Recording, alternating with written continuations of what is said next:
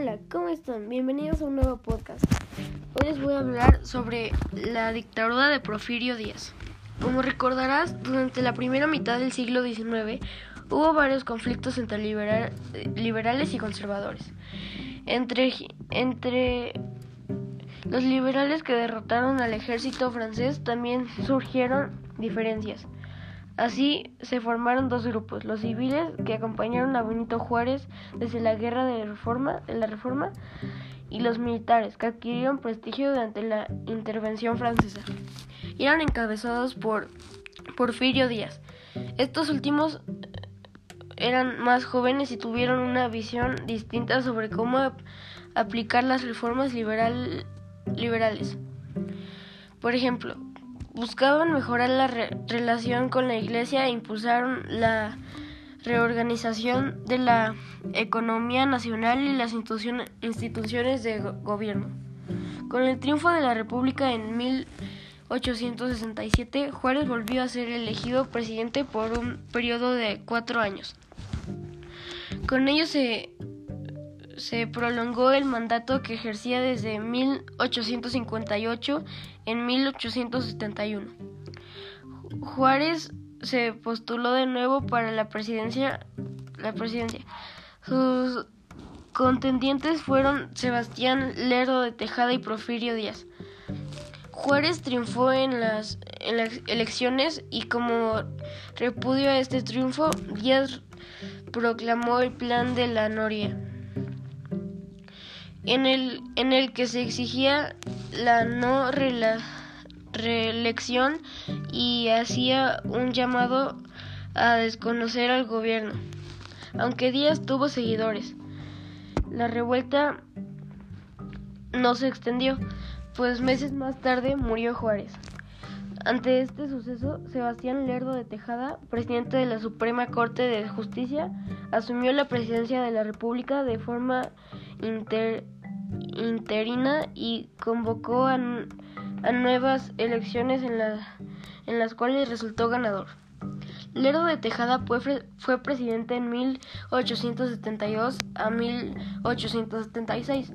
Durante su mandato se enfrentó a la Iglesia porque aplicó con rigidez las leyes de, reforma.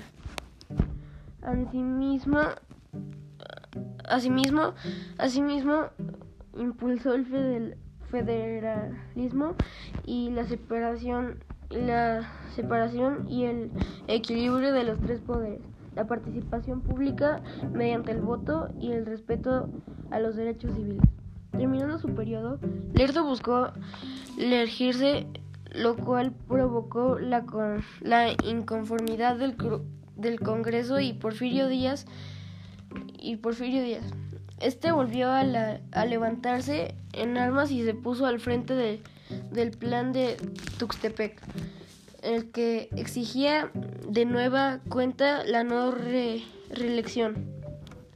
Díaz recibió un amplio respaldo de, gran parte de la población y finalmente Lerdo se vio obligado a renunciar y exiliarse en Estados Unidos. Porfirio Díaz fue elegido presidente y asumió el cargo 1877. Los primeros años de su gobierno fueron ajustes y búsqueda de la paz. Consiguió aliarse con más grupos y fortalecer su poder mediante la conciliación. Por ejemplo, pactó con, los caciques regionales y, y puso a sus hombres de confianza al mando del ejército. También trató de unificar a los liberales y reconciliar al gobierno con la iglesia y los conservadores. El primer periodo presidencial de Díaz duró hasta 1880. El, general Manuel González, quien le siguió en el cargo, era su amigo cercano. Durante su gobierno continuó la organización del país. Se construyeron vías ferreas, se creó el Banco Nacional de México y además se reabrió el Colegio Militar. También se firmó el, el Tratado de Límites con Guatemala. Se estableció la primera fábrica de armas en el país y se fortalecieron las relaciones diplomáticas con Estados Unidos y Europa. En, 1884 el general Díaz volvió, a ocupar la presidencia. Las acciones que emprendió le, le permitieron fortalecer su poder y mantener la estabilidad. Contó con el apoyo de políticos militares, inversionistas, de terratenientes y de la clase media, quienes consideraban que, que debía permanecer en el gobierno para mantener el orden y el crecimiento económico. En los siguientes años, Díaz se reeligió cinco veces consecutivas. Su gobierno se convirtió en una dictadura porque eliminó las libertades políticas, censuró a la, a la prensa, reprimió las protestas sociales, impidió que se llevara a cabo elecciones libres e, e, impuso a los gobernadores de los estados. Además, las instituciones de justicia y el poder legislativo obedecían sus órdenes. Esta etapa de, la historia de México se conoce como porfiriato. Gracias. Nos vemos luego.